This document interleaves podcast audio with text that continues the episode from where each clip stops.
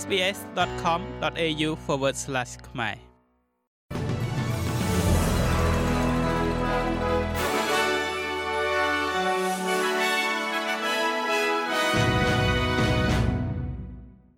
សូមស្វាគមន៍មកកាន់នេតិព័ត៌មានខ្លីៗរបស់ SBS ខ្មែរសម្រាប់ថ្ងៃប្រហ័សទី22ខែកុម្ភៈឆ្នាំ2024 រដ្ឋាភិបាលសហព័ន្ធមានការព្រួយបារម្ភអំពីកង្វះការប្រកួតប្រជែងនៅក្នុងសេដ្ឋកិច្ចអូស្ត្រាលីប្រាក់ជំនួយទៅលើថ្លៃចំណាយការរស់នៅ បានស្ថិតនៅលើលំដាប់កំពូលនៃរបៀបវិរៈនយោបាយនៅឆ្នាំនេះដោយរបាយការណ៍ថ្មីៗដែលចាត់ចែងដោយក្រុមប្រឹក្សាសហជីពអូស្ត្រាលី បានរកឃើញថា កង្វះការប្រកួតប្រជែងកំពុងជំរុញឲ្យមានអតិផរណារ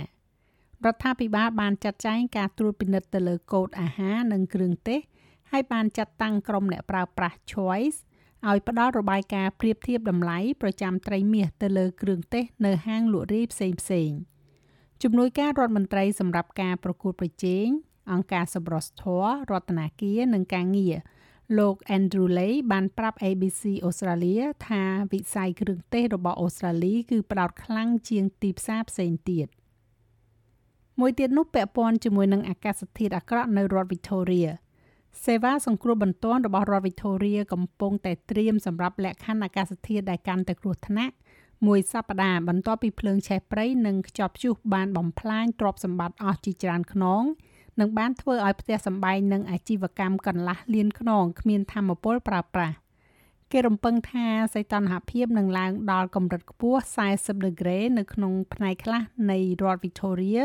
ជាមួយនឹងព្យុះនៅពេលក្រោយនៅក្នុងថ្ងៃនេះនាំមកនៅល្បឿនខ្យល់80គីឡូម៉ែត្រក្នុង1ម៉ោងនិងមានរន្ទះស្ងួតការហាម5បង្កាត់ភ្លើងទាំងស្រុងត្រូវបានប្រកាសសម្រាប់តំបន់ជនបទរដ្ឋ Victoria ចំនួន6ដោយតំបន់ Mali, Wimmera, Northern Country, North Central, South West និង Central District សុទ្ធតែប្រឈមទៅនឹងកម្រិតគ្រោះថ្នាក់ភ្លើងឆេះខ្លាំង ការប្រមានអំពីភ្លើងឆេះខ្លាំងឬក៏ extreme fire warning ក៏ត្រូវបានចេញផងដែរនៅក្នុងរដ្ឋអូស្ត្រាលីខាងត្បូងរដ្ឋ Tasmania និងរដ្ឋអូស្ត្រាលីខាងលិចដែលជាកន្លែងសេវាសង្គ្រោះបន្ទាន់បាននឹងកំពុងប្រយុទ្ធនឹងអគិភ័យចាប់តាំងពីដើមរដូវក្តៅមកចុងក្រោយនេះពាក់ព័ន្ធជាមួយនឹងសារធាតុ asbestos នៅ Sydney កន្លែងបន្ថែមចំនួន7ទៀតនៅក្នុងរដ្ឋ New South Wales ត្រូវបានគេកំណត់ថាមានការបំពុលដោយសារធាតុ asbestos រួមទាំងមន្ទីរពេទ្យកុមារនិងស្ថានីយ៍ពន្លត់អគ្គិភ័យផងដែរគណៈពេលដែលសំណាក់មួយមានផ្ទុកសារធាតុ asbestos ដែលអាចបង្កគ្រោះថ្នាក់បានសារធាតុ asbestos ដែលបង្កគ្រោះថ្នាក់តិចជាងនេះក៏ត្រូវបានគេរកឃើញផងដែរនៅក្នុងស្រទាប់ដីនៅទីតាំងជាច្រើនក្នុងតំបន់ភាគខាងលិច និងភាគនិរតីនៃទីក្រុងស៊ីដនីនេះនាំមកនៅចំនួនសរុបនៃទីកន្លែងដែលរងផលប៉ះពាល់ មានដល់54កន្លែងហើយជាមួយនឹងការធ្វើតេស្ត801ត្រឡប់មកវិញអវិជ្ជមានចាប់តាំងពីសារធាតុ asbestos ជាប់ស្អិតត្រូវបានគេរកឃើញនៅក្នុងដីកែច្នៃនៅ Roselle Parklands ក្នុងខែមករាការស៊ើបអង្កេតទៅលើដីដែលមានសារធាតុ asbestos នៅតែបន្តដោយមានលទ្ធផលវិជ្ជមានថ្មីចំនួន7កន្លែងដែលត្រូវបានរាយការណ៍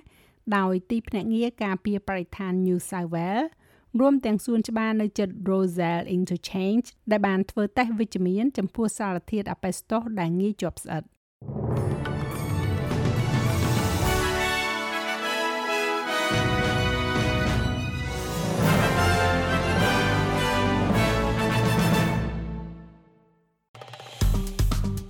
ចុច like share comment និង follow SBS ខ្មែរនៅលើ Facebook